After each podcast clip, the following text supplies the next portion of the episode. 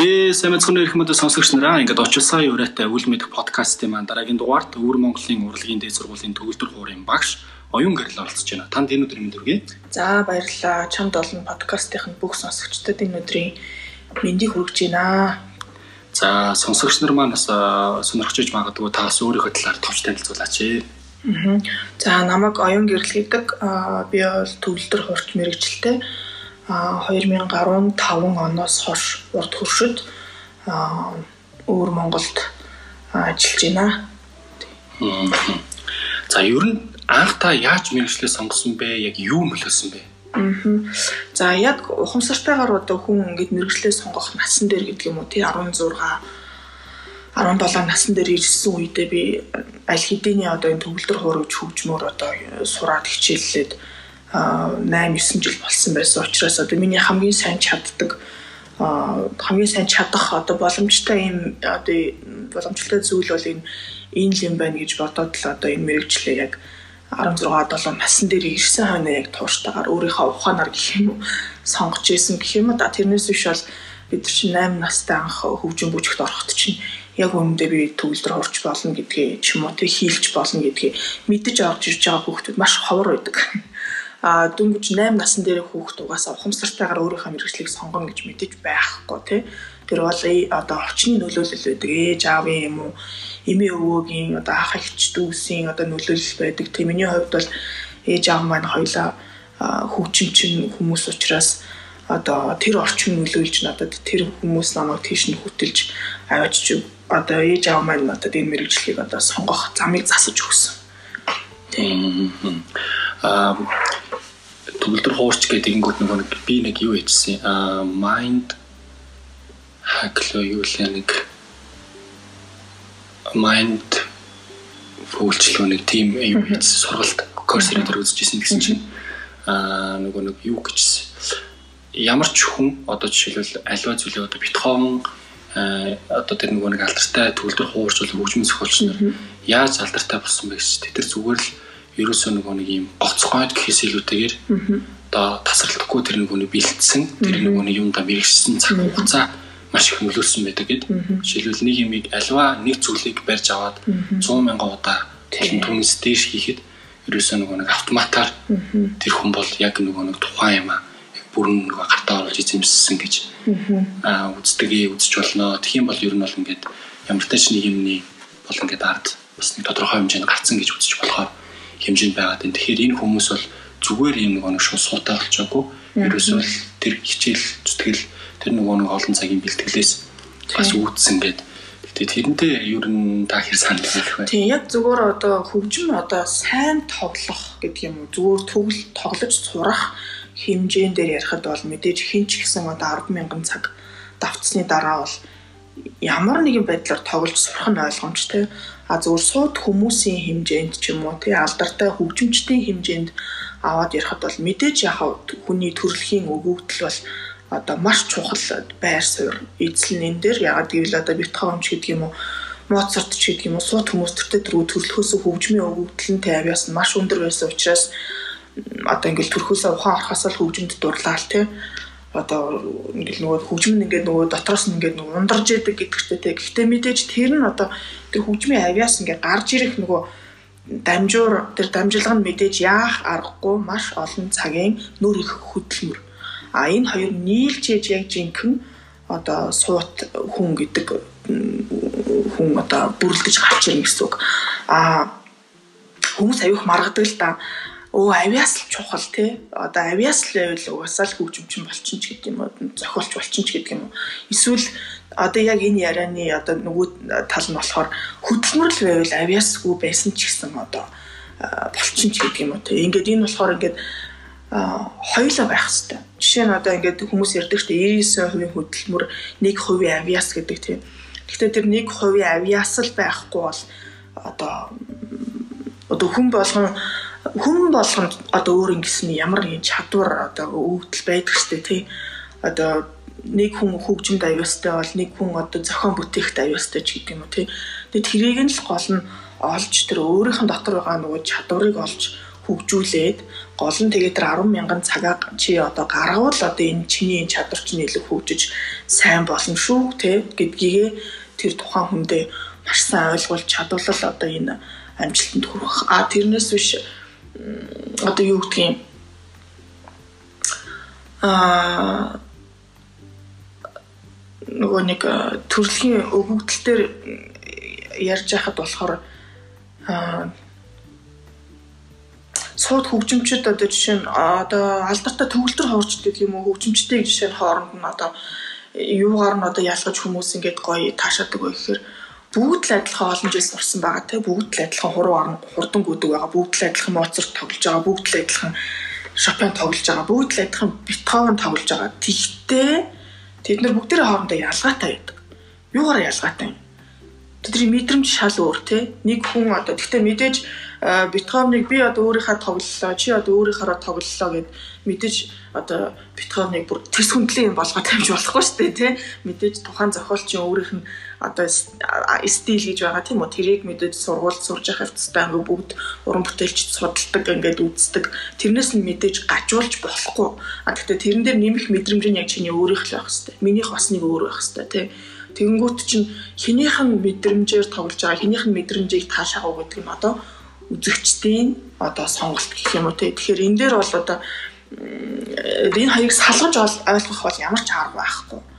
Аа хэрвээ одоо зөвхөн одоо 10 мянган цагийн хөдөлмөрөөр ч юм уу тий бүх юмыг хийж болдог байсан бол тэгвэл одоо хүүхдэд тэгвэл хүүхэд болгон өөрийн одоо онцлог шинж чанартай гих яриач нь ямар ч утгагүй болох төвшөнд ирэх гээд байна тийм үү.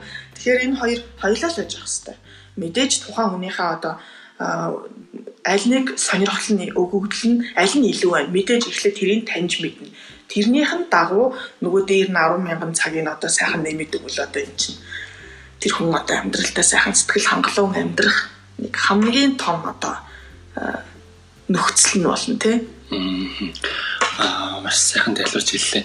А юу та баг үзчихсэн баха нөө домогт 100 гэдэг нэг нэг яг усан завин дээр нэг төгөл орж идэг тийм. Тэгээд нөгөө нэг мань хүн тэгдэг штэ. Лондонд очиж үзсэн үг гэсэн чи хизээж. Онгоцноосоо буугаагүй хэрнээ. Тухайн нөгөө нэг хотын талаарх төсөөлөл тэр нь хотод ийм байдаг. Яг иймэрхүү байдаг гэдгийг ингээд яриад идэг штэ. Тэгээд чи яаж мэдээд байгаа юм бэ гэхээр би нөгөө хөгжин тоглож байхдаа яг ингээд оцсон юм шиг хүмүүсийн ингээд оцсон юм шиг болтгоо. Тэгэхээр аа тэгэнгүүт яг энтэй нэг юу ч холбогдож гарч ирж байгаа юм гэхэлэр аа жишээлбэл таны хувьд бол бас ингээд өөрөө төгөлдөр ховтой болж исэн. Тэгээ одоо ингээд заадаг хүний хувьд үнэхээр яг тэр ингээд өөр аа байдалд ингээд ороод үнэхээр ингээд юм төсөөллийн тим зүйл рүү ингээд тун бошин боч хэрнээ ордог уу? Яадаг юм бол? Маа мэдээж одоо жишээ нь одоо ингээд нэг тоглож байгаа зохиол болгоныхаа стилийг бид нар одоо яг тэр үеийнхаа гаргах одоо үүрэгтэй гэх юм уу те? Баахын үеийг баахын зохиолыг тоглохоор бол одоо баахын ихэнх зохиол нь одоо ихэнхдээ дандаа шашны холбогдолтой байдаг ч гэдэг юм уу те а хэрвээ одоо тэр сүмийн хөгжмөөс гаралтай нөгөө одоо тийм сүмийн одоо тэр үеийн Европын одоо сүмийн одоо төгөлдөр хуурны угаасаа эцэг чинь тэр сүмд байдаг нөгөө нэг даралт төвчин байгаа шүү дээ тий. Тэгэхээр бүх зохиолт нь одоо тэр Европын сүмтэй холбоотой. Одоо тэр барокко үеийн тий одоо стил угаасаа тэр хүний зохиол дээр ингэ шингэсэн байж байгааг бид нар ерөөсөө гажуулж гажуудуулж болохгүй. Аа тэгэхээр баахыг тоглохдоо болохоор бид нар айгүйх юм сонсож судалж тий аа тэгж тоглодог жишээ. Аа одоо саяны ингээд нөгөө 1900 гээд киног ярьж байна те. Аа киноны хувьд болохоор яг тэгэхээр тэрний одоо тэр нөгөө тим юм төсөөлж болох уу гэдээ ингээд асууж ирсэн шүү дээ. Мэдээж одоо хичнээн баагч гэсэн, Бетховенч гэсэн, Моцарт ч гэсэн одоо тий хүн хүн одоо тэд нар чинь хичнээн мундаг сууд хүмүүс ч гэсэн хүн л байгаа тийм үү. Хүний бүх мэдрэмж тэдний зохиолууд дээр тэр хүмүүсийн зохиолууд дээр байгаа. Ад жаргал байгаа, гоны гутрал байгаа хайр дурлал байгаа үхэл байгаа ердөөсөө тэр нөгөө юу бүх юм байгаа одоо гашуудл гуны гашуудл бүгдээрээ байгаа тийм тэгэхээр мэдээж одоо гуны гашуудалтай зохиолыг одоо тоглож байхдаа одоо зохиолын стилээс гадна мэдээж тэрэндээ стилээс нь гажуулахгүйгээр бас тэр нөгөө нэг гуны гутралаа бас өөртөө одоо би төсөөлн мэдэрнэ одоо амьдралынхаа өөрийн хамгийн миний өөрт амьдралд мэдрэгдэжсэн гуниг готрол юу байсан бол гэдэг тэр мэдрэмжээр мэдээж гарна тий. А аз жаргалтай хайр дурлалын одоо зохиол тавлалаа гэхэд би аз жаргалыг хайр дурлалыг яаж мэдэрдгийг ингэвтэй нөгөө зохиолоо тэрэндээ бас тэр мэдрэмжтэйгээ уйж одоо тий тэрийг хэр зэрэг гүн хүнзгий тэр зохиолоо одоо мэдэрч чадчихээн тий Тэгэх юм бол одоо тэр мэдрэмж нь надаар дамжиж нөгөө сонсож байгаа хүнд чинь нөгөө зохиолчийн тэр өргөх гээд байгаа санаа мэдрэмжийг одоо би тэр хэмжээгээр дамжуулж чадна гэсэн үг шүү дээ тийм үү. Аа тэрнээс одоо тэр киноны одоо тэгэж тэр кинон дээр дүрслсэн шиг одоо тэгэж аа зохиол бүтээлээ одоо мэдрэх мэдээж тийм явдал бол байгаа. А гэхдээ одоо бүр яг аа юу гэх аа Гэхдээ яг хөө тэгээд болно л доо жишээ нь бид нар ч гэсэн битховны үед амьдарч байгаагүй шүү дээ тий баахан үед амьдарч байгаагүй шүү дээ. Тэгээл Моцартын үед би очиж үзээгүй шүү дээ.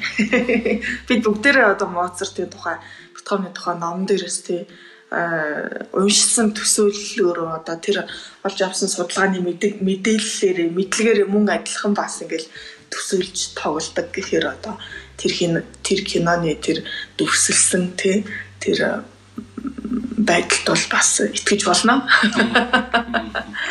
Аа За тэгвэл одоо нөгөө нэг яг ингээд та багасаа л ер нь бол ингээд төгөлдөр хууртай нөхөрлөөд ингээд төгөлдөр хуурыг тоглоод тэгээд дээрнээс нь гадаа гадна ингээд энийг а өөрийнхөө их орон гэлтгүй бүр ингээд өөр улс дамж ингээд бас ажил шингээс зааж ин тий. Тэгэхээр ер нь өөртөө нэг ямар санагддаг вэ? Аа. Ааха энэ асуултны өмнө уучлаарай түрүүний асуудалтай холбоотой нэг ганцхан мартсан байсан юм а эргээд сансныгаа бушуухан хилээд тэгээ саяны асуулт руу ороодох. Тэр нь юу байсан бэ гэхээр нөгөө төрөлхийн өгөгдлгээд ярьжсэн шүү дээ тий.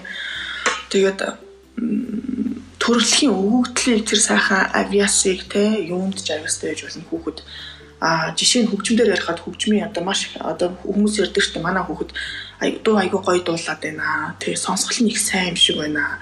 Авиастай юм шиг байна гэд гүгсэн мөртлөө одоо жишээ нь тэрийг хөгжүүлэхгүй яваад байх юм бол тэр нь насан туршдаа тэр чигээрээ байна л гэж бодож идэг. А гэтэл хүний нөгөө нэг одоо оюуны тархины чадамж чинь ингээд ингээл ирэх тусам ингээл нөгөө нэг буурж идэг штэ тий одоо жишээ нь бид нар 20 тойдоо ингээд юм сурах чадвар 30 таатай сурах чадвар 40 таатай сурах чадвар мэдээж хоорондоо ялгаатай байгаа тий. Тэрэн шиг одоо жишээ 3 настай хүүхдийн орчноосоо мэдээлэл бүх юм хүлээж авч сурах чадвар жишээ нь хамгийн өндөр байдаг ч гэдэг юм уу. Одоо Японуудын Япончуудын одоо тэга бас нэг сургалтандаа хэрэгэлдэг тэр арга барилын үндэс суур нь одоо энэ байдаг штэ тийм үү. Тэгэхээр тэр нь юу гэсэн үг вэ? Хүүхдийг аль аль болох бага наснд нь тэр авис чадварыг сайхан хөгжүүлж ингэж аа өөрт нь нөгөө нэг дадал болгож нөгөө суулгахгүй болохоор ерөнхийдөө тэгээд томрох тусмаа тэр авиас нь хүртэл ингээд нөгөө байхгүй болж эхэлдэг. Тэгээд хөгжүүлэхгүй явсаар хагаад эцэстээ тэр авиасыг хэрэгжилж чадахгүй болж эхэлдэг. А тийм учраас аль болох хүүхдийг нөгөө бага наснд нь тэр хүүхдийнхээ авиас чадварыг таньж мэдж хөгжүүлээсэй гэж би боддгийн хүмүүсийг. За тэгээд эргүүлээд саяныхаа асуултанд ороход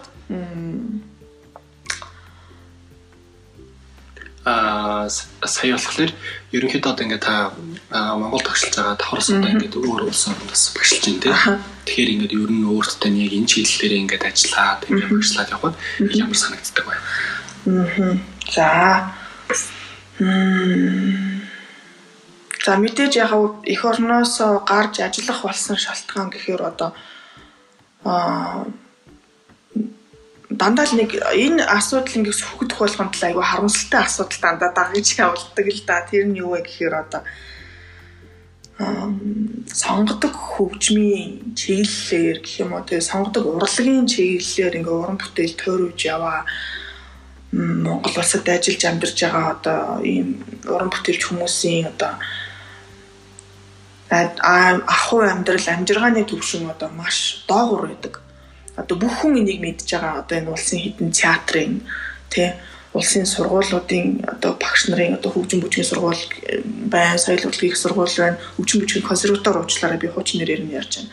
Соёл урлагийн сургууль. За тэгээд улсын ардын дуу бүжгийн чуулга, дөөр бүжгийн эрдмийн театр за одоо өөр юу гэдгийг драмын театр ч гэдэг юм уу тий одоо энэ урлагийн хідэн байгууллагуудад ажиллаж байгаа хүмүүсийн цалин гээд ингээд аваад яриад үзэхээр маш одоо эмгэнэлтэй гэж хэлж болохоор одоо төвшөнд байдаг л да. Аа би тэний саяхан карантины үеэр бас ингээд гэртээ сууж авах хугацаанд бас ингээд зүгээр суухгүйгээд ингээд хичээлүүдээ онлайн болгоод тэрнээс гадна бас өөрийнхөө нөгөө сурж суралцах үйл явцаа зогсоохгүй үүднээс би нэг англи хэлнийхаа нөгөө ярианы чадвар мэдлэгийг багхан ч гэсэн дээшлүүлээд миний хэл тийм сайн биш л те. Тэгээд сайн биш учраас ер нь явандаа сайжруулъя гэж боддог учраас тэр бодлоо одоо яг карантины үеэр эхлүүлэе гэж бодоод нэг гадаад багшаас би нөгөө нэг англи хэлний хичээл авдгийн авч ирсэн. Тэгээ би тэр багштайгаа ингээд хичээл болгон дээр янз бүрийн сэдвэр ярилцсан. Тэгээд нөгөө мэрэгжлийн талаар ярилцсан, хүүхдийн хүмүүжлийн талаар ярилцсан. Тэгээд мэрэгжлийн талаар ярьж байхад яг сонирхоод асууж ирсэн байхгүй. Яагаад та ингээд Монголд ажилтдаг юм бэ? Яагаад ингээд өөр газар ажилладаг юм бэ гэхээр гол шалтгаан цалин л байсан. Тэгээд цалин ямар байдгийг ингээд тэр нэг ойролцоогоор тэр байдаг гэдэг энд байдаг ингээд нөхцөлийг хэлсэн чинь ингээд бүр маш их гайхажсэн Бүр манай Филиппинд хүртэл хамгийн одоо нөгөө нэг ханган хангал хангалттай амьдралтай хүмүүс бол хөгжимчтэй байдаг. Хангийн одоо хангамж сайтай гэх юм уу тий. Яг үйл тэр хүн болгонд тэр хүн болгонд тийм хөгжмийн авиас болон тэр чадвар одоо суудаггүй, суулж чаддгүй. Тэгээ тийм онцгой чадварыг хүн өөртөө суулгачаад байхад яагаад ямар учраас ийм баг цалин өгж байгаа гэдээ бүр ингээ ерөөс учрыг нь олохгүй байсан тэр хүн. Тэгээ би ерөөсө хийх хүн байгаагүй одоо яах вэ манай нөхцөл ийм байдал юм байна тэгээ тийм учраас надад өндөр цалин санал олгож байгаа учраас тэгээ санхүүгийн баталгаатай илүү баталгаатай нөгөө нэг нөхцөл байдал надад санал олгож байгаа учраас би тэнд ажиллаж байгаа. Ер нь бол урд туршид өвөр Монголд а ерөнхийдөө өвөр Монголд бол би бүр 2004 5 оны үеэс бол ажиллаж үзчихсэн 2004 онд нэг 5 онд нэг гээд нэг нэг нэг семестр ажиллаад ажиллаад буцаж ирээд байсан. Тэгчгээд 10 жилийн дараа дахиад 2015 онд очиод ажиллахад бол нөхцөл байдал маш өөр болсон байсан. Та бүхэн ч гэсэн бүгдээр мэдж байгаа тийм бид нар зүгээр хамгийн наад захын ирээн рүү гэхэд хүн баг очиж үзээгүй хүн байхгүй. Өдрөөс өдөрт тэр тэнд одоо амьдралд яаж амьдрал яаж сайжирж байгааг хүн болгон харж мэдж байгаа тий цалин мөнгө тэдний амьдралын орчин соёл гэж ердөөсөө бүр асар хурдтай өөрчлөгдөж байна. Тэгээ одоо бол энэ өнөөдөр би одоо ингээ хөх хотод ингээ амьдарч байхад бол ерөөсөө хөх хотын тэр хүмүүсийн амьдралын нөхцөл байдал амжиргаа бол одоо бэж мэж ингээс ямар ч ялгаа байхгүй болсон. Ерөнхийдөө а яг сонгодог урлагийн одоо орчин гэх юм уу тэр талаараа мэдээж одоо Бээжинг яаж гүйцэтгэв те Бээжин бол хамаг одоо бүх хятадын соёлын төв бүх одоо чадвартай гэх юм уу тий бүх мондох хүмүүсийг цуглуулсан төв нь бол мэдээж Бээжин Шанхай байгаа. Аа өвөр Монгол бол одоо сонгодог хөгжмийнхаа нөгөө нэг хөгжлөөр бол мэдээж тэднийг гүйцэхгүй ч гэсэн одоо яг эд хөгжиж одоо тэр сонгодог хөгжмийнхаа салбарт илүү яг хөрөнгө оруулалт оруулж эхэлж байгаа. Аа тэр утгаараа одоо амьдрах нөхцөл орчин тий маш тавтай тухтай сайхан байгаа учраас одоо тэнд сүүлийн хэдэн жил ажиллаж байна. Аа тэгээд ер нь цаашдаа бас нэлийн хэдэн жил ажиллах бах гэж төлөвлөж байгаа. Аа миний хувьд нөгөө нэг юу хийсэн 2017 онд баха. Би нөгөө нэг Шанхайгийн нөгөө Jiaotong University гэдэг тэрний нөгөө соёлын солилцооны хөтөлбөрт тэтгэлэг тэнцээд нэг сар явж ирсэн. Тэгээд очиход бол ингээд нөгөө таны ингэ нөгөө ярьж байгааг ойлгож байна л да. Үнэхээр нэр нөгөө соёл тухайн улсыг энэ яг ийм улсаа гэдгийг харуулдаг байгаа байхгүй. Тэр тусмаа одоо шилэл яг тэр тухайн орны одоо нөгөө нэг уламжлалт эсвэл одоо яг ингэ нөгөө хөгжиж ирсэн гол ингэ нөгөө нэг дэлхийд эднийх нэг энэгүүрээ бас онцлог шүү те. Ийм бас ийм нөгөө нэг урлаг талдаа ерөөсө хэлвч талдаа гэдэг ингэ тэнд бол ерөөсө хэл заах биш соёлыг бүр ингээд тэр чигтэн заажсан байхгүй. Хил заахтаа ингээд дуугаа ингээд заадаг. Тэнгүүтээ үсгээ заахтаа жишээлбэл ханзаа заахтаа заавал ингээд нөгөө каллиграф гэдэг юм оруулдаг. Тэнгүүд каллиграф авчингууд нөгөө гадны хүмүүсийн хувьд бол тэр ингээд бүр ваа бохгүй. Тэ? Ингээд баг ирж сурмаа байгаа байхгүй. Тэгээд тэгээ ямар ч юм нөгөө юм дарамт шахалт байхгүйгээр зүр ингэ чөлөөтэй ингээд тэр сургалтыг явуулж байгаа арга барил нь өөрөө тэр улсыг бас хөгжөөд айгүй хөнлөөлж ийн бас бусад улсууд улс орны хүмүүсийг татхад айгүй соёл нь нөлөөж ингэж харсан. Тэгээд ингээд а тодорхой хэмжээний ингээд түүр аяллуудыг бас ингээд хийдэг байхгүй. Тэр аялалд ингээд явангууд түүр аяллуудад явж байхад ингээд бүх музейн гадна одоо урлагийн ингээд юм уу ямар нэг ингээд байдлаар ингээд байж идэг. Тэр юм нэг ингээд авахаас өөр аргагүй байдалд ингээд яваад ингээд хийж идэг. Тэгэхээр ингээд нөгөө тэнд ингээд айгу ингээд ухаалаг ингээд юм аа соёл түүх соёлоо ингээд нөгөө бусдад таниулаад айгу гоё ингээд орчин бүрдүүлээ. Тэгээ тэр хүмүүс ч гэсэндээ тэрийг хийхдээ сэтгэл ханамжтай байдлаар тэгээд өөрөө өөрийгөө нөгөө нэг яг тодорхой төвшөнд нөгөө нэг хангалттай хэмжээнд үнэлүүлж чадчих байгаа учраас тэнд ингээд яг музейн гадаа тэр суугаад юм хийх бол өөртөө бүр ингээ кайф байгаа байхгүй ингээ харахад хүртэл ингээ бүр амар тэрэн дээр хангар хангар хадж байгаа гэдэг. Тэгсэн чинь ингээ энд болохоор ингээл одоо би ялангуяа нэг энд ингээ англи хэлийг яг сургалтын төвд ингээ сурах гад айгүй олон ч удаа үзсэн. Гэхдээ би үнэхээр сурч чадаагүй байхгүй. Тэгэл өөрөө яг нэг хүсэл сонирхлоор хүн өөрөө л сурхаас нааш хизээ шилвэл ямар нэгэн лаг сайн багш байлаа гэдэг. Тийм. Бол ерөөс нэмэргүй мөлий. Тэгээ тэрийг ерөнхийдөө ойлгоод манайхан ч нэг юм эхлээд дүрм үзчихэд дараа нь ингээд нөгөө нэг яг яриулах гад идэг. А гэтэл эсэргээрээ нөгөө хүүхэд шиг ингээд нөгөө нэг яг тэтэр ингээд авч үзэж байгаа байхгүй. Хэлд авч байгаа шүү тийм. Тийм хүүхэд бол ерөөс хэлд авахдаа яа төвлөөр эхлээл ярьж эхлэв шүү дээ мэдээж.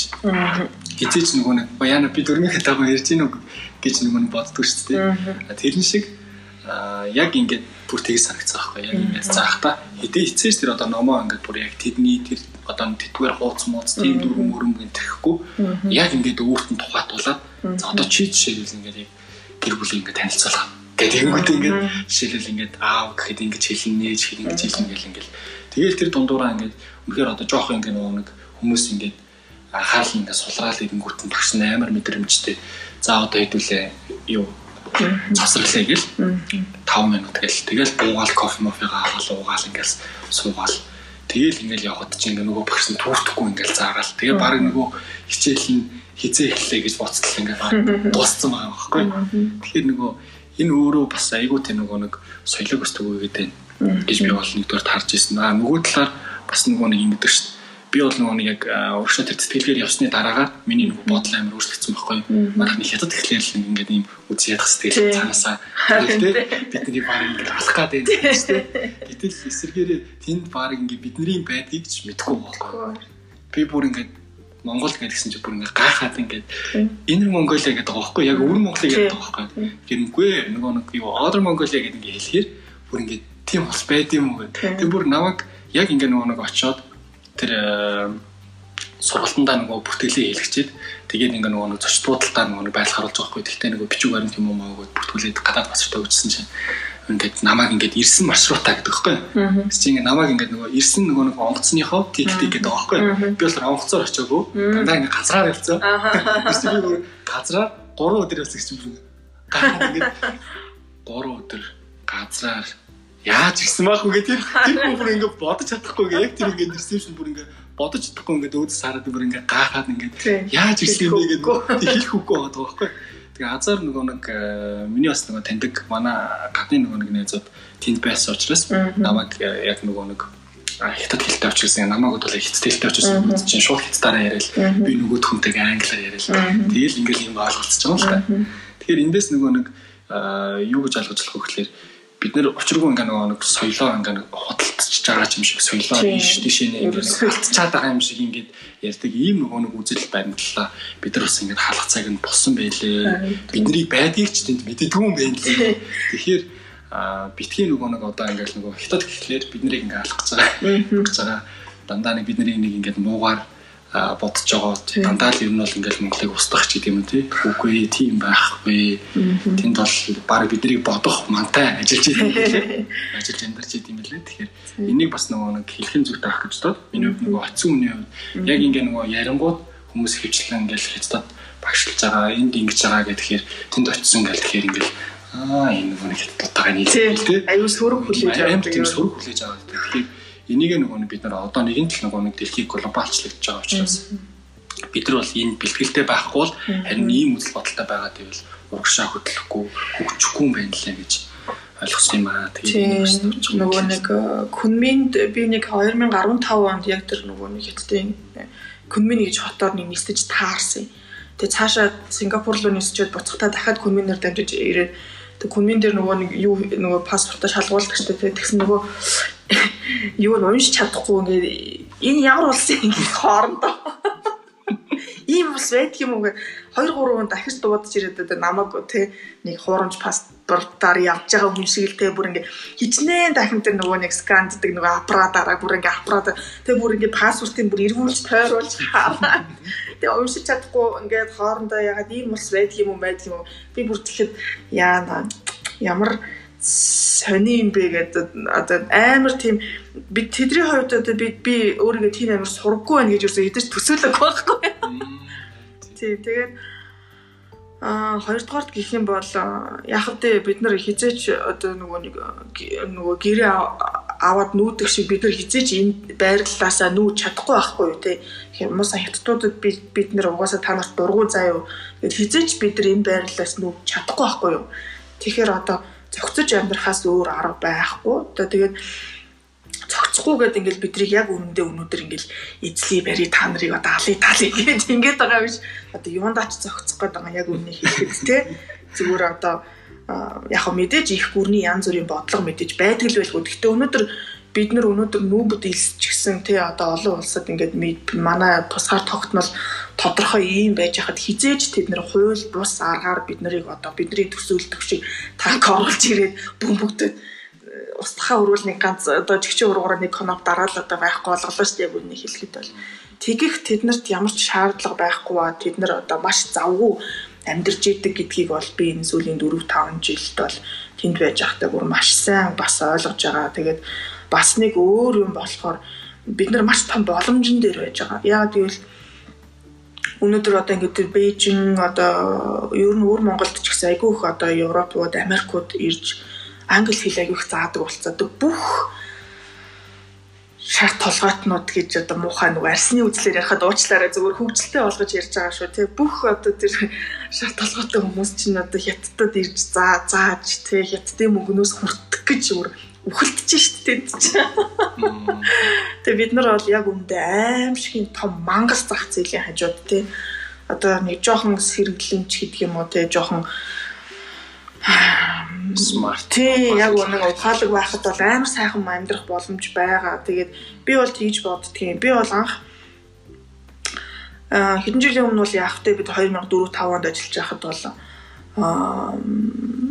Хөх хотод ажиллаж исэн би. Тэр үед бол Хөх хотод ажиллахад маш амархан байсан. Дортой багш нь очиод тэнд одоо багшлж багшлах боломжтой л байдаг байсан л да. Одоо өнөөдөр бол тэнд чинь одоо цалин өндөр болцсон, хангамж аягүй сайн болцсон. Дагаа шаардлага нь өндөр болоод багш нар тавьдаг шаардлага бас аягүй өндөр болцсон л да. Тэгээ би бол шууд Хөх хот руу очиагүй би 2015 онд анх ирээнд байгуулагдсан өвөр Монголын багшийн их сургуулийн нэг шин салбар сургуульд багшилж байсан байхгүй. Тэгээ тэнд нэг жил хагас багшилчаар тэндээс цаашаа хөх хотын сургуулиас надад ажиллах санал ирээд би цаашаа явж байсан. Ер нь бол ихтэл явхтаа би хөх хот руу цаашаа явна гэж бодож нөгөө нэг зорж тийш очсон л доо. Ирийн биш ажиллах саналыг би зөвшөөрсөн л доо. Яг тэгэл шууд хөх хот руу очих боломж одоо биднэрт өнөдр баг байхгүй болцсон. Ер нь бол аа тэгээд тэр утгаараа бодохоор ч н одоо хөх хотод ч юм уу одоо ажиллах боломж нь маань одоо харьцуулах юм бол баг Америкийн одоо нэг захын хотод ч гэдэг юм уу те ажиллаж байгаагаас баг ямар ч ялгаагүй тийм нөхцөлд би одоо ажиллаж амьдарч байгаа байхгүй. Тэгэхээр хүн болгон өнөөдөр баг Монголд байгаа хүн болгонд одоо Америк явахыг баг ажиллаж одоо амьдрахыг хүсдэггүй хүн баг байхгүй байлгүй дээ те. За за хүсэхгүй ч гэсэн зөвхөн нөхцөлийн хувьд одоо тийм нөхцөлд амьдрахыг хүсдэггүй хүн мэдээж байхгүй шүү дээ тий. Одоо сайхан цалин мөнгө нь зөвхөн дуртай ажиллаа хийгээд ингээд хангалттай цалингаа аваад сайхан дуртай байраа одоо түрээслээд үүсвэл лизингдээд одоо хоол унд хувц сундар бүх юм хүний амьдралын наад захын хэрэгцээ нь одоо тий бүрэн бүтэн сайхан ингээд утгуугаар хангагдах тийм нөхцөлд одоо амьдрахыг хүсэж байгаа одоо бүх хүн хүсэж байгаа тийм үү? Тэгэхээр тэр одоо Америкт олддог шиг тийм боломжийг бол одоо энэ хажуугаас олох уу боломж байна гэж би хараад байгаа байхгүй юу. Надад бол тэнд ажиллаж байгаагаас ялгаагүй маш сайхан нөхцөлд би бол ажиллаж амьдарч ийн гэж өөрийгөө бодож байгаа. А харин ч бүр давуу тал нь би гэртээгээ маш ойрхон сайхан дуртай идэг өгöd ирнэ. Онгоцоор нэг хоёрхан цаг нисээд ороод ирнэ тийм. Ээж аав маавтайгаа одоо уулзах тийм чухал асуудал гарлаа. Гэр ар гэрийн асуудал гарлаа гэхэд ямар ч зовлон байхгүй би өгöd ирэх учраас одоо нөхцөл нь бол надад маш сайхан таалагддаг гэх юм уу. Тийм. Аа би бас нөгөө нэг түрүү юундаа хэлэн бичсэн мартчихнээр аа би одоо жишээлбэл нөгөө нэг ингээд үндэсний ялангуяа тэр нөгөө нэг урлаг урлагийн чиглэлд бусад орны соёлыг төгөөж байгаа ийм хүмүүсээр айгүйх бахархдаг байхгүй. Яагаад тэгэхээр энэ хүмүүс яг хаа тодорхой хэмжээнд нөгөө нэг санал тавиад явж байгаа ч гэсэндээ цаанаа энэ чинь өөрөө Монгол гэдэг үндэсний тэр одоо соёлыг нэгдүгээр түгээж чинь хоёрдугаар бас яг нөгөө нэг монголчууд ямар чадвартай вэ гэдгийг бас дэлхийн улс орнууд бас харуулад байна гэж би ойлгодог байхгүй. Тэгэхээр энэ үүднээсээ бол би бол харин ч нөгөө нэг гадагшаана манай соёл төвөгдсөн ба ийшээний ирэх одоо нөгөө нэг гадны хүмүүсийн тоорч те улам олшин дээрэс нь дэлхийн аль ч өнцөг болон бүрт готсон монгол хөнгөмөд ийм авьяастай байдгийн шүү гэдэг ядаж авьяасгүй хүн байсан ч хамаагүй тэр хүнийг жишээлбэл тэгж шууд тогтож хүлээх гэж байгаа учраас надад бол их бахархалтай санагддаг. Аа тэгээд өөрөөтэй бас их бахархаж байна. Тэгээд нөгөө хаанчдсан нөгөө нэг Монгол гэдэг нэр явж байгаа учраас ингээ бид нэр өөрсдийнхөө бие айгуух зинж бодож бодолтой хийж байгаа бол хэлж байгаа үгээ хүртэл айгуу нөгөө нэг зөв сонгож авахгүй бол ерөөсөө цаанаас шууд монголчууд бол ийм л байдаг юм байна. Гэдэг байна хүн болгоны нөгөө тархинд тэр гадны хүмүүс шиг хизээч монгол хүнтэй уулзч үзээгүй хүмүүс байгаа шүү дээ. Тэгэхээр уулзч үзээгүй хүмүүс бол монгол хүмүүс нэг юм хүн байдаг аа.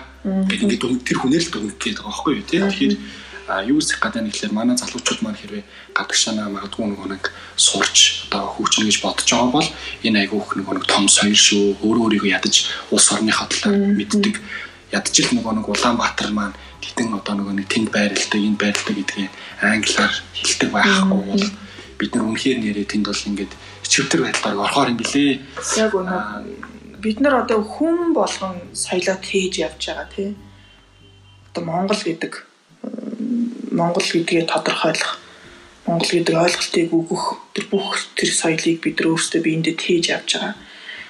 Аа тэр утгаараа яг би бол ажлаа маш сайхан нэр төртэй хийсээр байгаад одоо хэрвээ нэг өдөр дуус одоо одоо энэ гэрээний хугацаач гэдэг юм ажил ингээд дуусгаар боллоо гэхэд тэр үед бэргэд харахад маш сайхан ингээд өөртөө сэтгэл хангалуун нэр төртэйгээр ажиллаад ажилласан байх юмсан гэж би одоо бодож хичээж явдаг л да одоо жишээ нь. Аюу жижигхэн зүйлээс эхэлнэ л дээ тий ажилдаа хоцрохгүй ирж чаддаг байх хэвээр тий ажиллаа тасалдаггүй байх ч гэдэг юм уу энэ болгоныг одоо энтэй одоо энэ болгонтой ямар нэгэн одоо ийм асуудал гаргах тоолонд энэ бол миний нэр биш одоо улсын нэр гарах учраас би одоо бүр халахам хөдөлгөөн болгоноо би одоо цэгнэж цэгнэж одоо гаргадаг гэхүүдээ тий.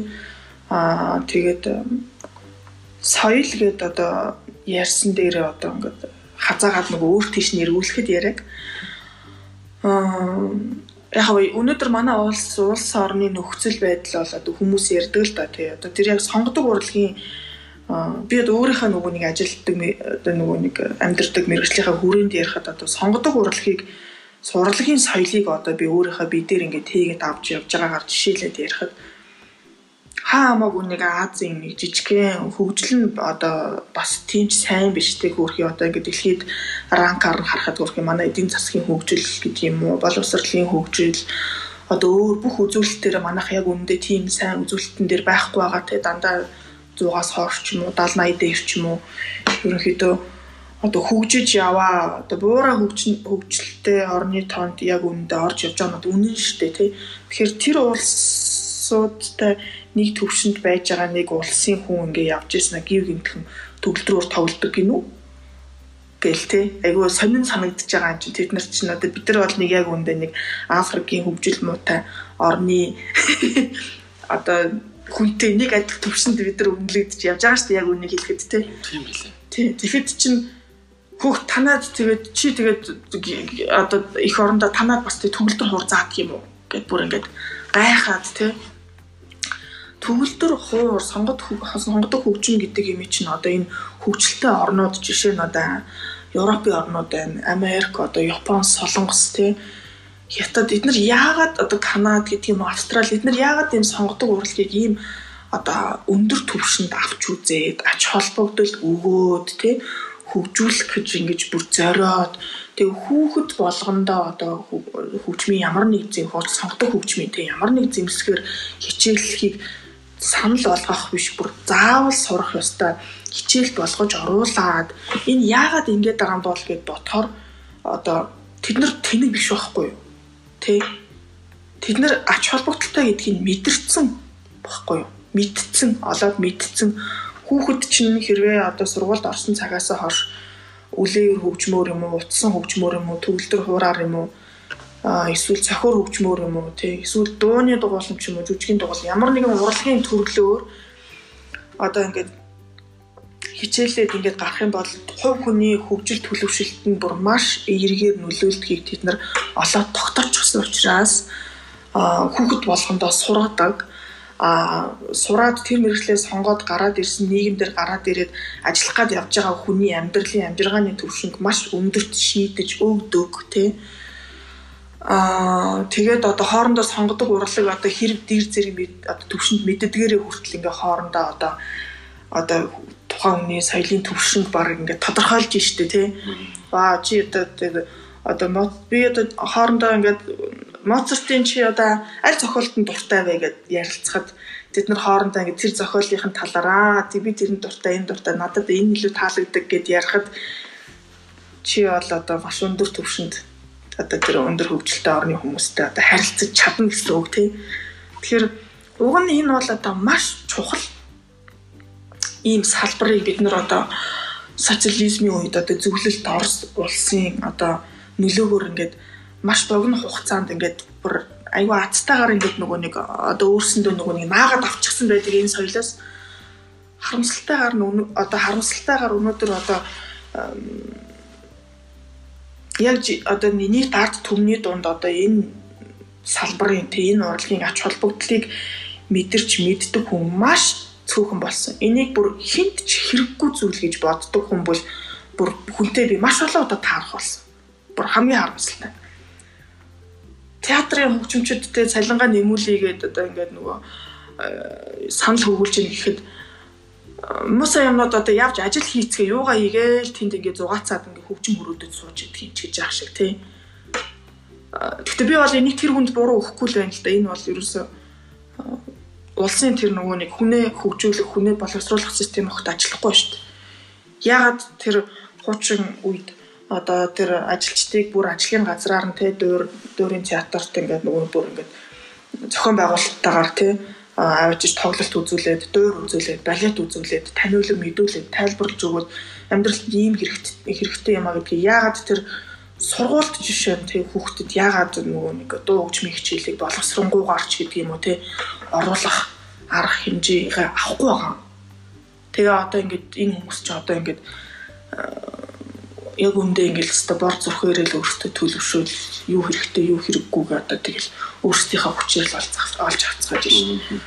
Аа тэг би яг нэг 2013 онд хаа Кармен дүрийг үзчихсэн. Тэгээд тэр яг нэг бас яг ийм нэг хөтөлбөр тамрагдчихсэн учраас би үзэж таарсан. Хөтөлбөрийнхөө нэг 20 хэдэн залуучуудтай зүг. Тэгэхэд би ингээ нөгөө нэг ялцчгүй таны ярьдаг үнэлэлтэй нөгөө багасаа бидэртэй энэ боловсролын системд сонгодог урлагийн талаар юм байхгүй учраас бид нар чиглэл тэрийг яаж үзэх юм гэдэггүй байхгүй. Миний хувьд бол ерөөсөө тийм заалгачж байгаагүй тэр талаар ойлголцож байхгүй. Ерөнхийдөө тэгэл аа гэж л ерөнхийдөө бодгоос биш. Яг сонгодог урлаг гингүүд ихэвчлэн ойлголт нь өөрөө энэ нэг сургалтын системд ороогүй. Дээрээс нь энийг гоё зүйл гэдгийг нэг тайлбарладаг учраас хөвчлэн хүмүүс юу гэж боддог вэ гэхээр нэг юм баян хөрөнгөтэй хүмүүс нэг бол үздэг нэг бол ерөөсөө тийм айгу ядаргаатай үзэхээр баг нойр хүрдэг баг хөшин шог үзсэн дээр шиг жаах шиг тийм харин би эсрэгээр нэг креман дүрийг үзсэнс хойш юу гэж утсан бэ гэхээр гүн байна. Яагаад тэр тэнд байгаа залуучуудаас баг 18 9 залуучууд нь бүгдээ англи хэлтэй гадны сургуулийг сураад төгсөөд ирсэн. Зарим нь яг Монголдо хэрний гадны хэлийг маш сайн эзэмшсэн учраас ингээд соёлыг ойлгоцсон. Тэрийг бүр ингээд дүрээр нь ярьж байгаа байхгүй юу? Гасан дээр ингээд дүрийг ярьж штэ. Одоо яг дүр үзэгдэл нь явж байна. Тэр ярьж байна. Одоо ингэн ингээл те.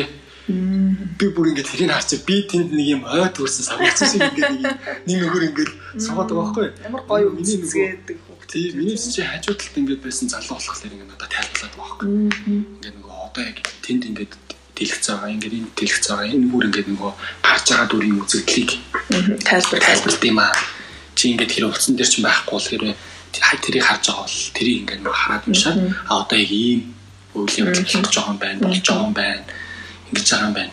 Тэгээд дараа нь ингээд нөгөө нэг тэр өмнө нь болохоор бид нэг оруулахаас өмнө тэр нөгөө нэг дүрийн театрын менежер нь болохоор бас яг тэр wild bee гэдэг хөтөлбөр төрсөн байгаа байхгүй тэр гэсэн чинь тайлбарлахдаа одоо жишээл үнэхээр таалагдсан бол алгат шилт хүртэл ондоо байдаг а гэдэг. Хамгийн нөгөө дээд зүйл бол браво гэж хэлэх. Тэгэхэд шүгэлтэх бол ерөөсөө энэ бол хамгийн том бүр ингэ сэтгэл хөдлөл илэрхийлж байгаа хэлбэр.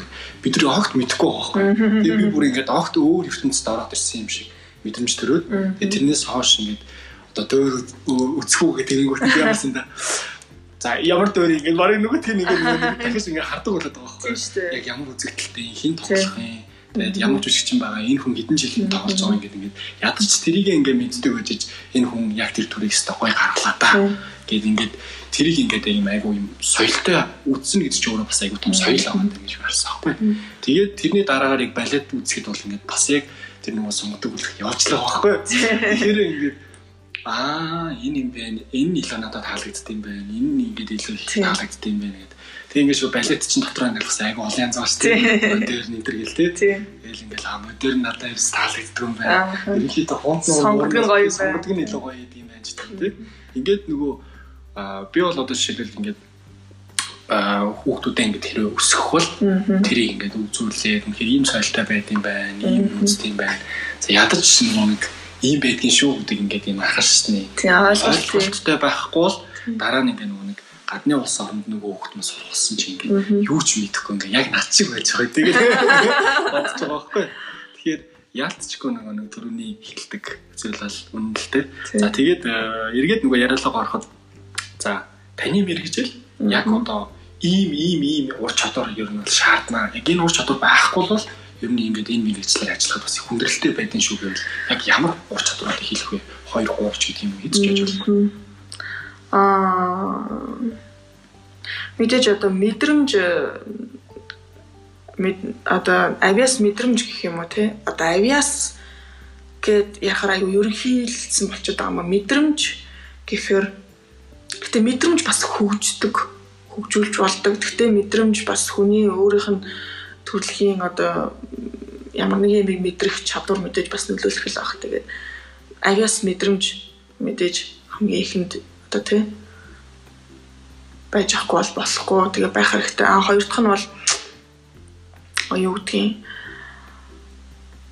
А яг миний энэ одоо одоо ийм ийм чадваруудыг одоо заавал байж ёстой ёстой гэхээсээ илүү ийм ийм чадваруудыг баг хөгжүүлдэг гэж ярьсан нь илүү оновчтой байх. Яг гэвэл хүүхэд өөрөө нөгөө нэг энэ мэрэгжил чинь одоо хамгийн бага насндаа сонгодог мэрэгжил шүү дээ. Яг үнийг хэлэхэд тэ өнөөдөр хөгжмөөс өөр мэрэгжлийг одоо 4 5 настайгаас сурж одоо спорт те хөгжмийн ийм мэрэгжлүүд л яг хүүхэд 4 5 настайгаас сурж эзэмсчээж яг жинхэнэ мэрэгжлийн болж чаддаг. Хамгийн нь 8 ч юм уу те. Аа тэгэхэр чин тэр одоо 6-аас 8 насны хүүхдүүдийг яг үнэндээ э, нэг удаагийн хоёр удаагийн шалгалтаар хоо энэний тэр чадвар нь юм байна. Эний энэ чадвар нь юм байна гэж таньж мэдэх ямар ч боломжгүй байхгүй Зүгээр манай жахаа хөгжин бүжгийн сургуульд хүүхдүүдийг шалгаж авах нь авдаг. Гэхдээ тэр нь ямар зорилготой вэ гэхээр мэдээж одоо 30 дөнгөж 30 хэд хүүхдийн орон тоон дээр 400 хүүхд өрсөлдөхөөр чинь ямар нэгэн байдлаар одоо нэг арга зам шийдэх арга зам байхгүй бол тий 400 гуулангийн сургаж авах боломжгүй учраас тэр чинь шалгалт явуулж штэ тий. Яг энэ гэхдээ бас хуучнаас дээр үесээ уламжилж ирсэн одоо ийм шалгалтын одоо арга л да. А яг үүндээ сүүлийн үед бол одоо хөгжилтэй оронд одоо нөгөө нэг мөрдөд одоо нөгөө мөрдөгдөж байгаа журам гэх юм уу юу болохоо хүүхдийг одоо хөгжмөр тэр болгоо шалгаж авах бэлдсэн юм бол ерөөсөл хүүхд болгон л хөгжим сурах хэрэгтэй. Аа тэгээд тэрэн дундаа одоо яагаад сурдаг вэ гэхээр одоо жишээ нь хүүхдийг анхаарал төвлөрлөлийг одоо маш сайн хөгжүүлнэ. Сууж сурган тийм үү одоо төвчээртэйгээр одоо төвлөрөхтийн бас нэг нөгөө тал нь тийм төвлөрнөө өгдөг чинь ингээд өөр юм сатарахгүйгээр одоо өнөөдөр бид нар яг нөгөө нэг гар утас ингээд технологийн 900-д яатсан ердөөсөө нөгөө бүгдээр өдөр тутамдаа гар утас одоо дийлгэц компьютер ширтэх цаг маш өндөр болсон учраас бид нар ингээд нөгөө нэг анхаарал төвлөрөх хугацаа амар богинохон болцсон байна гэж би уншиж байсан юм дээрээс тэ ер нь бид нар тийм болчих нэг юм хийж байгаа л нэг уцаа барьж байгаа л шалгаж үзмэр санагдал тий.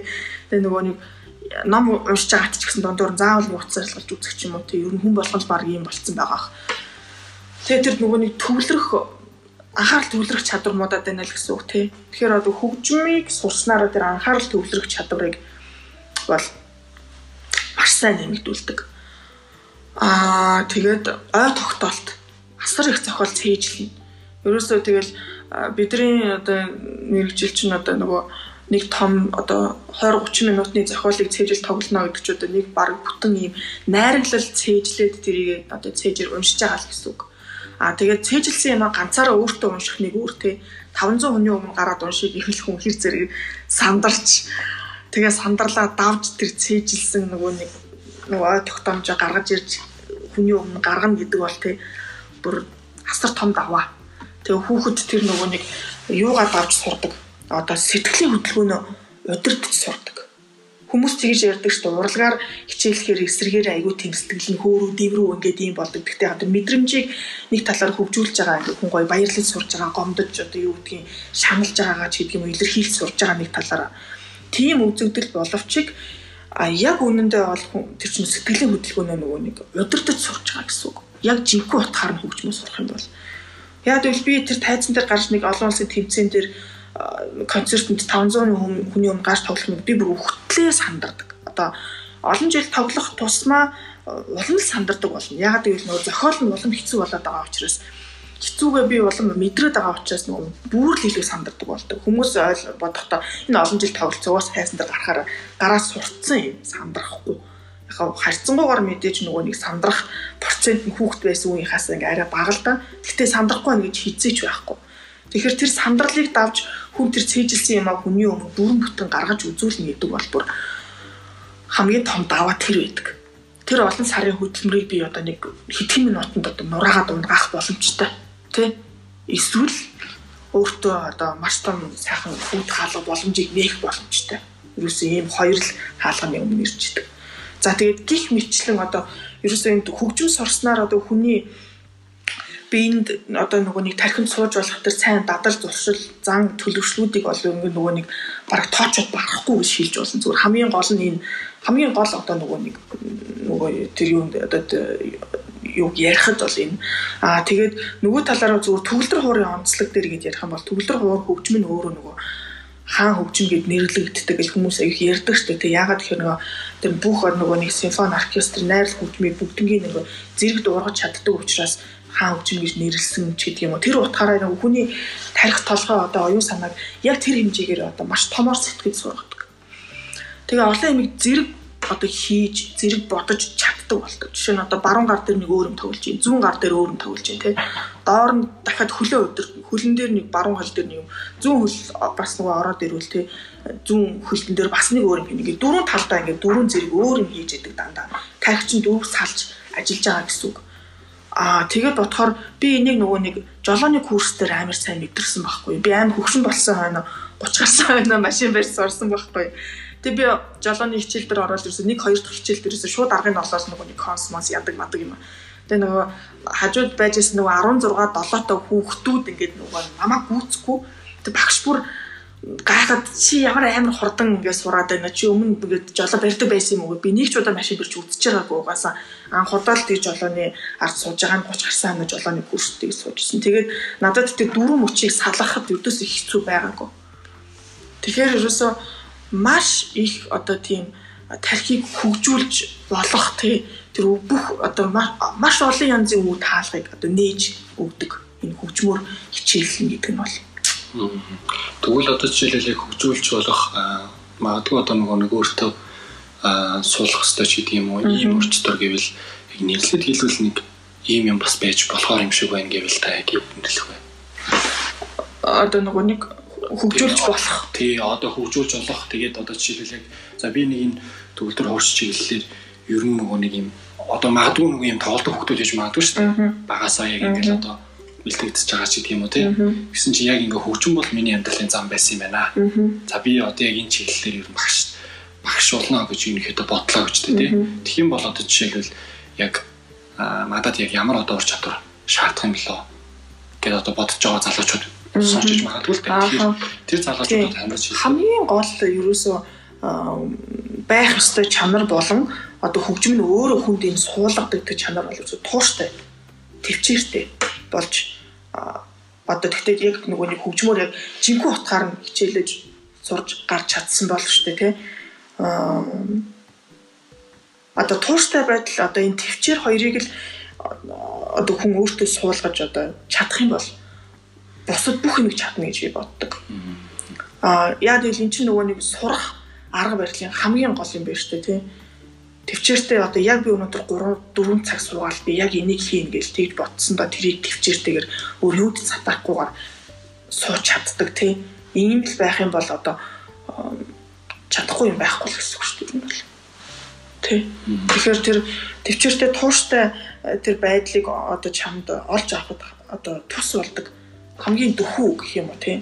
Тэр юу бол тэр арга зам бол хүчмөр хичээл За магадгүй тэгвэл одоо яг таны мэрэгчлэр ажиллаж байх үед тулгарч исэн түгээмэл бэрхшээл яг юу байсан бэ? Тэр бэрхшээлээсээ та юу сурсан байна? Бэрхшээл гэвэл уран бүтээлч хүн болгон өөрийгөө одоо ажлынхаа хажуугаар үндсэн ажилласаа хажуугаараа тэ өөрийгөө үргэлж одоо сайжруулж хурцлж үргэлжийн байнгын мөнхийн мөнхийн одоо бэлтгэлд байж ах хэрэгтэй байдаг. Тэгээ тэрийг мөн гаргаж үзүүлэх тэгээ тайзан дээр гаргах хэрэгцээ уран бүтээлч хүн болгонд байдаг. За энэ тайзан дээр гарах хэрэгцээг одоо хангах биелүүлэх нөхцөл одоо Монголд өнөөдөр тун хэцүү байна. Ягаад гэвэл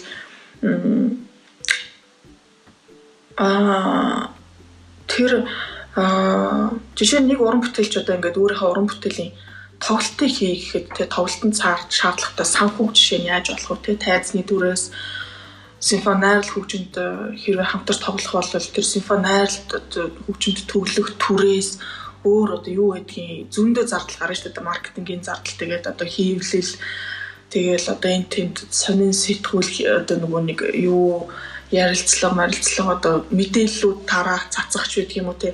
Одоо ингээд нэг энэ бүх зардлуудыг уран бүтээлч хүн мэдээж өөрөөсөө гаргана гэдэг бол маш хэцүү. Одоо байж боломгүй асуудал. Аа тэгэхээр би болохоор нөгөө юу хөгжүүлсэн вэ гэж боддог вэ гэхээр гадаадад болохоор тийм тусдаа нөгөө нэг агентлагууд байдаг л да. Аа одоо өөрсдөө нөгөө нэг концерт тоглох нөхцөл одоо бүрдүүлээд те одоо тэр чинь өөрсдөө нөгөө нэг билет милетээ ингээд билет милетийн зарж өгөх одоо маркетинг менежмент хийдэг гэсэн үг шүү дээ. Уран бүтээлч хүмүүс ерөөсөө зөвхөн за та энэ энэ энэ сарын тэдэн сарын тэдэнд энэ зохиолыг л надад одоо бид нарт тоглоод өгөх те. Уран бүтээлч хүн зөвхөн хөгжим давтахтаа л анхаарна. Тоглож тоглож тоглож бэлэн боллоо гаргаад тоглолоо нөгөө маркетингийн компани бол нөгөөдхийн зохион байгуулад үзэх хүмүүсийн цуглууллаа, билетийн зарлаа, таазны төрөөс төлөлөө, хөгжимчөнд мөнгө төлөлөө, уран бүтээлч хүнд нь өөрсд нь тоглолтын хөлсгийн өглөө ингэ болоо. Тэгээ ийм одоо журмаар явагдах хэрэгтэй. Гэхдээ яг энэ бол зах зээлийн журмаар бас бас зах зээлийн шугамаар шийдэгдэх л асуудал л да. Одоо манад сонгодог хөгжмийн зах зээл нь өөрөө маш жижигхэн байна. Сонирхдаг хүн цөөхөн байна. Үзэх хүн цөөхөн учраас одоо цөөхөн гэдэг нь яг нөгөө харьцангуй тэр зохиолын дууны ч юм уу те pop rock урлагийн зах зээлтэй харьцуулахад цөөхөн гэж ярьж байгаа ч тэрнээс биш бас ч нэг үеийн бодволоос хамаагүй гайгүй болцсон одоо намайг анх 7 8 онд тоглож явах үеийг бодвол бас ч ганц хоёр зохион байгуулдаг компани хүн гарч ирсэн бас тийм мэдээлэл байсан. А тэр үед 7 8 онд бол намайг анх тоглож эхэлж байхад ердөөсөө нөгөө манай найз нөхдүүдтэй маш сайхан найз нөхдүүд маань намайг одоо их сайхнаар дэмжиж тусалж хідэн талаас намайг ингэж дэмэнсэн учраас би сайхан найз нөхдийнхээ ачаар эхний нэг хоёр концертоо тоглосон учраас одоо тоглох боломж надад одоо олдсон учраас сайхан хувь тохиолоор тий тэрнээс хойш одоо би өөрөө за нэг ингэж ингэж ингэж тоглох юм байна гэдэг ингээд нэг аргыг олцсон учраас нэг 14 5 он хүртэл ямар ч нэлээдэг концерт тоглосон. А энэ нь бол бас миний амьдралын одоо уран бүтээлч хүнийхээ хувьд олж авсан нэг том ололт, амжилт, туршлага гэж би бол одоо харж дүгнж байгаа. Тийм. За ер нь карьер гэхээр жишээлбэл түгээмэл халахал байгаа гэдэг чинь тийм. Одоо бага альбом шалаас өндөр альбом шалд очих эсвэл бага цалинтай ажиллаж өндөр цалинтай ажилд орох эсвэл дотоодын байгууллагаас гадны компанид ажиллах. Эсвэл одоо бүр үндэстэн дамж буюу өөр улс орн одоо ажиллахыг карьер хийж гэнэ гэж үздэг. Аа тэгвэл таны хувьд яг энэ карьер гэдгийг яг юу гэж ойлгодог вэ? Аа яг ерөнхий тайлбар нь болохоор яг ажил мэргэжлийнхаа хүрээнд хийсэн бүх ажлуудын нийлбэр гэсэн одоо би ийм тайлбар товчхоноор бол олж уншсан л да тий. Тэгэхээр энэнийг одоо дэлгэрүүлээд ярих юм бол одоо жишээ нь би багшаар ажиллаж байгаа бол жишээ нь хажуугаар нь юу гэдгийг жилдээ нэг удаа ч юм уу хоёр хэдний хоёр удаа ч юм концерт тоглох одоо үйл явцаа таслахгүй байх ч гэдэг юм уу те энэ бол миний бас нэг карьерийн нэг хэсэг байх гэж бодож байна. А одоо өөрөөр юу гэдгийг өшөө сонгодог урлагийг одоо олон нийтэд сурталчлан таниулж мэдүүлэхэд би одоо өөр ямар ажил хийж болох юм те одоо сүүлийн үед ч одоо энэ цахим ертөнцид одоо маш хурдцтай хөгжөөд энэ цахим ертөнцид л одоо бүх амьдрал өрнөж штэ тий. Тэгэхээр бас энийг би олон нийтэд одоо үр өгөөжтэйгээр бас яаж ашиглаж болох юм гэдэг дээр илүү анхаарч байна. Аа тэгээд энэ нь одоо бас нөгөө талаар бас нөгөө уран бүтээлч хүний дээр дижитал маркетинг гэдэг юм чи одоо маш одоо их газар авч штэ тий. Энэ бол одоо зайлшгүй хөгжүүлэх ёстой уран одоо хийх ёстой ажлуудын нэг юм болов гэж би одоо сүүлийн үед хараад байгаа. Аа тэгээ одоо одоо урд хуршууд одоо өвөр Монголд ажиллаж байгаа миний энэ нөхцөл байдал бол миний одоо карьерийн галагш гарах карьерийн одоо? Эхлэл хэсэг гэж би бодож байна. Одоо би уламжлалт цаашлна гэж бодож төлөвлөж зорж ажиллаж байгаа. За тэгвэл одоо нөгөө нэг магадгүй яг энэ чиглэлээр өөрөө сурах гэж байгаа эсвэл сурж байгаа нэг эсвэл дөнгөж ажил дээр гарснаа нэрийг би яг цаашаа яах вүлээ гэж байгаа. Залуучууд тандаад зөвлөхөд ер нь ийм юм дээр анхаараарай ингээрээ гэдэг тийм зөвлөгөө байвал та бас болцооч Аа, ердөөс бид нарыг нөгөө ухаан орхоос л чихэн дээр өвлжсэн нэг ганц л үг байдаг. Ерөөсөө л давт. Нэг тийм нөгөө нэг юу онгой байдаг штеп нөгөө имээ би үлсээд байна гэхээр нөгөө таргу. Имээ би ам цангаад байна гэхээр таргу. Имээ нөгөө нэг нойр өрөхгүй байна гэхээр таргу гэдэг шиг нөгөө бүх юм дээр те. Тэр шиг тэгэл ёо бүх юм дээр л давт гэдэг. Ерөөсө гадаа тогломоор энэ давт. Тэ амармаар энэ давт. Ерөөсө хүчинчин хүний ганц хариулт тэр давтгал гэдэг. Ерөөсө тэр давтах гэдэг процессыг л хизээж тасалдуулахгүйгээр одоо цагаан сар болж исэн ч хэл шинжил болж исэн ч хэл тийм манай ангийн хідэн нөхдүүд бол э, бид нар нэг сургуульд авсан онцгой хийдэг хийхийг нөхдүүд байсан юм а сургуульд байхад. Тэгээ бид нар бол шиний нэгэнд сургууль дээр давтах гал ирсэн суудцгааж идэг байсан. Одоо тэр манай найз нар бүгдээр маш сайн явцгааж байгаа л та. Ихэнх нь хөлийн чандад сураад төгсөөд зарим нь ирсэн зарим дэндээ ажил ажиллацгааж байгаа. Тэгээд би бол ердөөсөө яг уу гадагшаа сургууль соёлд би явж сурч чадаагүй ч гэсэн Монголд бол би одоо их сайхан багш нар дээр маш сайхан суралцаж төгссөн гэж би өөрийгөө бодож яадаг. Тэгээ би бол ердөөсөө цэвэр одоо Монголын сонгодог урлагийн одоо нүүр царай болж чадах бах. Одоо Монголын сонгодог урлагийн төвшин надаар харагдах бах. Одоо миний багш нарын надад өгсөн эрдмээр харагдах бах гэж би одоо ингэж төсөөлж ажил мэргэжил дээр олон хичээж явдаг.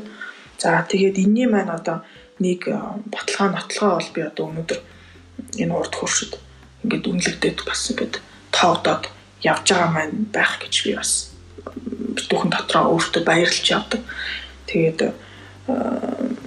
хятадын тэр олон сая жава төгөлдөр хурцтын хажуугаар чихэлдээд бас надад тэнд орж очих орон зай олдсонд бол их эхлээд их баярлж исэн. Сүүлдээ ингээд дунд нь ороод хараад үзэхэд маш том боломж байгааг би бас олж харсан. А яг тэгэл одоо бид нар яг үнэндээ бол ингээд нөгөө нэг сургуульд байхад ингээд үзэх харах юм нь илүү хязгаарлагдмалч гэдэг юм уу те. Тэгэл нэг хідэн байсан пянз CD-гээ сонсож өссөн. Тэгээ тэрнтэйгээ өөрийгөө харьцуулаад хаа хамаагүй сууд хүмүүстэй өөрийгөө харьцуулаад те тэр чи боломжгүй шүү хүн болгоны одоо жишээ нь Европт одоо нөгөө нэг 3 4 ярэ хөгжимчин байгаад ингээд төрхөөсөө хөгжмөний савн дотор бараг төрсөн гэдэг шиг тий. Тэгээ дээр сууд төрсэн тийм хөгжимчдтэй өөрийгөө өөртөө харьцуулна гэдэг бол ерөөсөө байж болохгүй л асуудал байсан байлаа. Өнөөдрийн сургалтын арга системд бол хүн өөрийгөө хүнтэй харьцуулахгүйгээр өөртөө л харьцуул гэдэг одоо ийм одоо нөгөө нэг чиглэл бол одоо боловсролын систем хамгийн гол болсон ч тийм хөгжилтэй орнуудын чи өчтөр ямар байсан одоо өчтөрийнхөө өөрөөсөө өнөөдөр ямар тэр л аюул чухал. Тэгээд тэрэн шиг би одоо 5 жил ингээд аа яг ингээд нөгөө тасрах тасралтгүй урд ажилласан чинь маш олон төвшний олон төрлийн хөгжимчин байдгийн байна гэдгийг би олж харсан. Аа тэгээд тэрэн дундаас тэднэртэй ингээд өөрийгөө харьцуулаад харсан чинь хүүшээ бас боломжийн байсан юм биш үү би чинь гэдгийгээ одоо яг ингээд нөгөө жинхэнэ боддоор нөгөө нэг өөрийнхөө төвшөнд би олж харж чадсан л да тэрэн дундаас өмнө нь болохоор яаж исэн бэхээр дандаа нэг богино хугацаагаар нэг сараар нэг 7 хоногор одоо олон улсын тэмцээн уралдаан эсвэл олон улсын ингээд хөгжим фестивалуудад явж оролцож ингээд хөгжимчүүдтэй нөгөө хамтарч тоглож исэн тий. Тэгвэл дандаа шилдэг хөгжимд чинь тэмцээнд чинь дандаа амар сайн бэлтгэсэн хөгжимчд ирнэ. Фестивал дандаа мундаг хөгжимчд ирнэ. Дандаа мундаг хөгжимчдтэй би хамтарч тоглоно. Дандаа тэд нартай өөрийгөө харьцуулна тий. За за тэгсгээл хөөргөж аваас би ч одоо тэгэл гадагшаа мадагшаа явж сурч чадаагүй юм чинь дээ гэл ингээл өөртөө айгүй тийм сэтгэл дондор байдаг гэсэн чинь одоо ингээд сүүлийн 5 жил ингээд урд ажиллаж байхад манай урлагийн сургууль ч н одоо өвөр Монголын ганцхан урлагийн сургууль байхгүй урлагийн дээд сургууль өвөр Монгол одоо даяараа шалгалт өгөөж шигшигдэж ирсэн хамгийн мундаг оюутнууд ирж суралцдаг. Тэгээ сүүлийн хэдэн жил бол нөгөө нэг гадаад харилцаа юун дээр маш их анхаарат одоо маш олон гадны уран бүтээлчдийг өөрч тоглодог. Байж байгаа л Оросоос, байж байгаа л Европоос, байж байгаа л Америкаас ирж төгөлдөр хуурчд хөгжимчд ирж тоглодог концерт манай сургуулийн дээр заална. Тэгээд тэр чинь уран бүтээлч хүний хувьд бол байнга одоо нөгөө тийм үзэх э, нөгөө нэг тоглолт тийм юмар ингээд нөгөө нэг өөрсдөө тасрахгүй байж ийл сайн л да. Байнгын одоо тэр нь бас өөрийгөө цэнэглэх айгу том нөхцөл болж өгдөг. Тэгээд тэрэн донд ороод ингээд манай тэр нөгөө хамт ажиллаж байгаа залуучууд чинь тэгэл амар мундаг мундаг хятад багш нар байдаг байхгүй дандаа Европ Америкт мастер хамгаалсан дандаа хятадын энэ том том мужуудад ажиллаж амьдардаг бай тэнд сурсан байж байгаад манад ирж ажиллаж байгаа. Яагаад манад ажил манад одоо хүү хотын урлагийн дэвтрүүд ажиллаж байгаа гэхээр яг үндэ Бээжин Шанхайд ажиллах нь бас маш хэцүү. Өөрсдийн төгөлдөр хурцд амар мундаг болсон. Бүр хагцсан олон мундаг төгөлдөр хурцд донд. Тэгээд яг улсын тийм хөгжмийн сургуульд ажиллах гэдэг чинь бол өөрөө маш нэр хүндээ асуудал тий. Зүгээр яг нэг сургуулийн төвүүд гэдэг юм уу хувь хүний нээсэн жижиг сургуулиуд бол харан мянгаар зөндөө байгаа. Өөрөө ч хувийн сургууль нэгэд ажиллаж болно. А гэтэл яг улсын сургуульд ороод ингээд шалгуулаад тэмцээд орж ажиллана гэдэг бол одоо тэдний хувьд бол бүр насныхаа амьдрал шийдэгдэж байгаа асуудал. Тэгээ тий тийм болохоор ч тэд нар ч одоо тэр урлагийн улсын сургуулиуд тэр өвөр Монголын хойно өдөр Бээжингийн хойно бүр улсын байгууллагт орж ил байвал тэгэл ерөөсөө бүр хамгийн том карьер нь тэр. Тэгээд тэд нар донд ингээд мөр зэрэгцээд ажиллах боломж ингээд нөхцөл байгаад тэр бас төвшөнд нь би ингээд тэнцээд байгаа да. Өөртөө бол одоо багш нартаа бүр маш их талархаж одоо өөртөө талархах ч яг багш нартаа талархаж байгаа л да. Зүгээр нөгөө өөрийнхөө байгаа төвшөнд одоо илүү ихтэй болсон гэх юм уу да. Тийм. Тэгвэл одоо залуучуудад ийм бас хараарэ гэвэл юу гэж хэлэх вэ?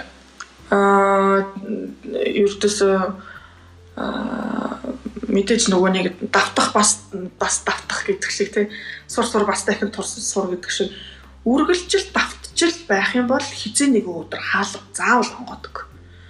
А мөнхийн хүн хөдөлгөөнд байж ах хэвээр. Ердөөсөө тэр мөнхийн хөдөлгөөнийг бүр огтоос тасалж болохгүй бүр юу ч тохиолж байсан бөмбөг дэлбэрсэн ч давтаал сууж явах хэрэгтэй. А тэрнээс гадна гадаад хэл тий өнөөдөр хүн нэгээс хоёр гадаад хэлтэй байж ээж гадаад орчинд үнэлэгдэх. За яг заавал гадаад орчинд үнэлэгдэн гэхгүй хүн эх орондоо ч сайхан амьдарч болно шүү дээ. Ер нь бол тий.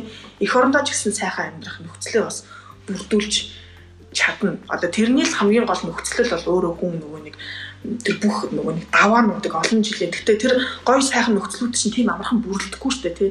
Тэр бүрэлдэх тэр удаан хугацааны тэр процессыг тэр олон жилийн тэр нөгөө нэг юг төвчиж одоо тий шантрахгүй тууштайгаар ерөөсө мөнхийн хөдөлгөөнд л байгаарай л гэдэг нь хамгийн гол хэлэх гэсэн юм байна. За тэгвэл одоо сайн дурын ажлыг ер нь та юу гэж боддог вэ? Сайн дурын ажлыг бол би одоо нийгэмд байх хэрэгтэй хамгийн чухал ажил гэж боддог.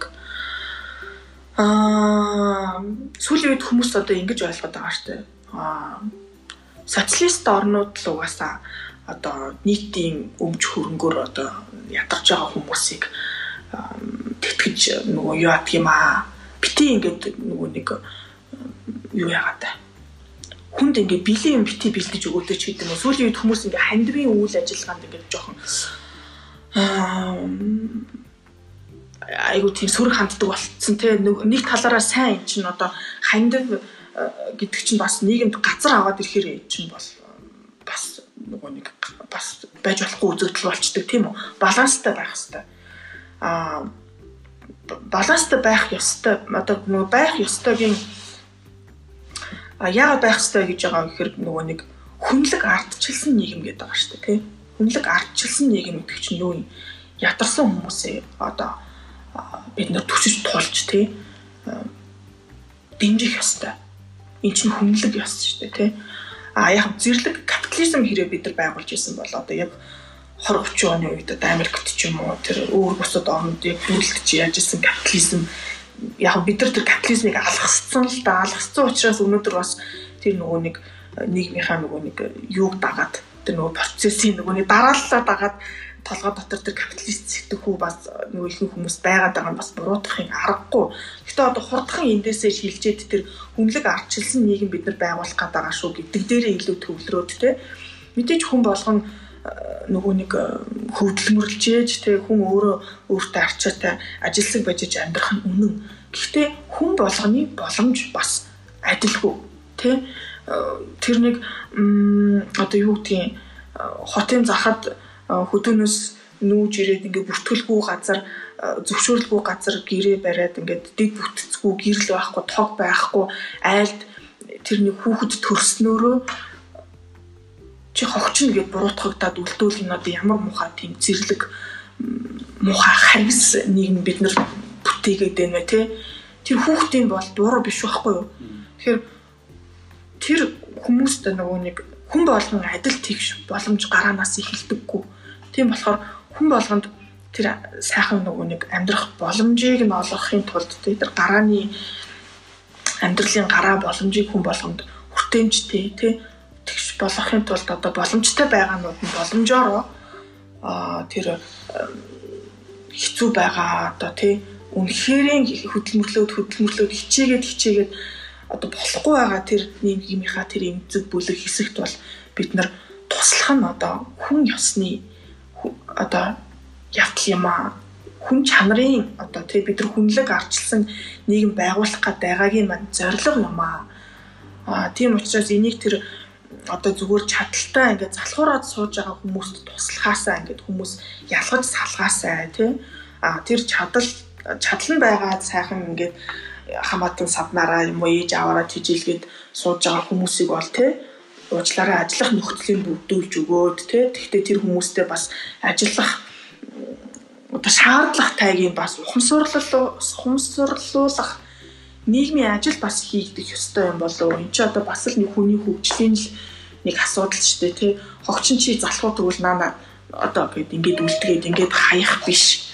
Яаж тэр хүмүүсийг нийгмийн амьдралд тий аа одоо зөв зохистойгоор оролцуулах уу гэдэг бол энэ хүнлэг арчилсан нийгэмд бүр заавал байх ёстой ийм нийгмийн одоо зорилт гэж би хардаг. Нөгөө нэг ийм хошигнолч гэх юм уу нэг ийм жижиг юм би сонсч байсан тэр бас айгүй өнө гэж боддог байхгүй. Жишээлбэл нөгөө нэг бурхнаас нэг хүн гуйсан байгаа байхгүй. Ээ надаа ингээд одоо би яахлаар ингээд хамгийн хорвогийн хамгийн зовлоо одоо надад ирчлээ. Одоо надаа юу ч алгаа. Тэгээд э, надад туслаач гэсэн баг. Гэсэн чинь бурхан яриад нь чи эхлээд өг гэж хэлсэн байгаа. Эхлээд өг. Тэгээд дараа нь ирэх юм бол би чамд юу яая. Үсний ч үг гэсэн юм л та. Тэгээд мань хүн гараад гарч явснаа гарч явж алхаж ирсэн аа гинт үшээ надад өгөх юм байхгүй штэ гэсэн чинь чанд байгаа гэсэн чи юу байгаа юм? Надаа мөнгө авахгүй төрөн байхгүй. Та надаа одоо ингэ өмсөж байгаа энэ говцлаа энэ өөр энэ энэ говцыг ч гэсэн одоо үгийг хэлээсэндээ ингээл бүр муутцсан байж тээ гэлсэн байна. Нь чанд өөр өгөх юм. Зөндөө юм байна гэдгсэн чинь яг юу гэдгсэн чинь чиний ам байна тий чи хүн сайхан үг хэлж болно. Тэр үг чинь өөрөө өгч болох хамгийн том одоо жишээлбэл бэлэг гэж хэлжсэн байгаа байхгүй. Тэгмүүд нөгөө хүн аа гэдээ ойлгож ирсэн гэд нэг юм сонсч ирсэн тэгэхээр нөгөө тэрэн шиг одоо бусад нөгөө хүмүүс маань ч гэсэндээ яг түрүүний таны хэлсэндээ санал нэг байна. Тэгэхээр тэр хүүхдүүдийг бол одоо буруудах харахгүй. Тэгэхээр тэр хүүхдүүд туслах хэрэгтэй. Харин ч нөгөө нэг тусалж дэмжснээрээ хүн нөгөө нэг өснөрөө хизэж ядурдаг гэдэг чинь тийм. Тэр тэрнтэй бол би бас санал нэг байдаг. Хүн чадчил тавил өгөх хэрэгтэй.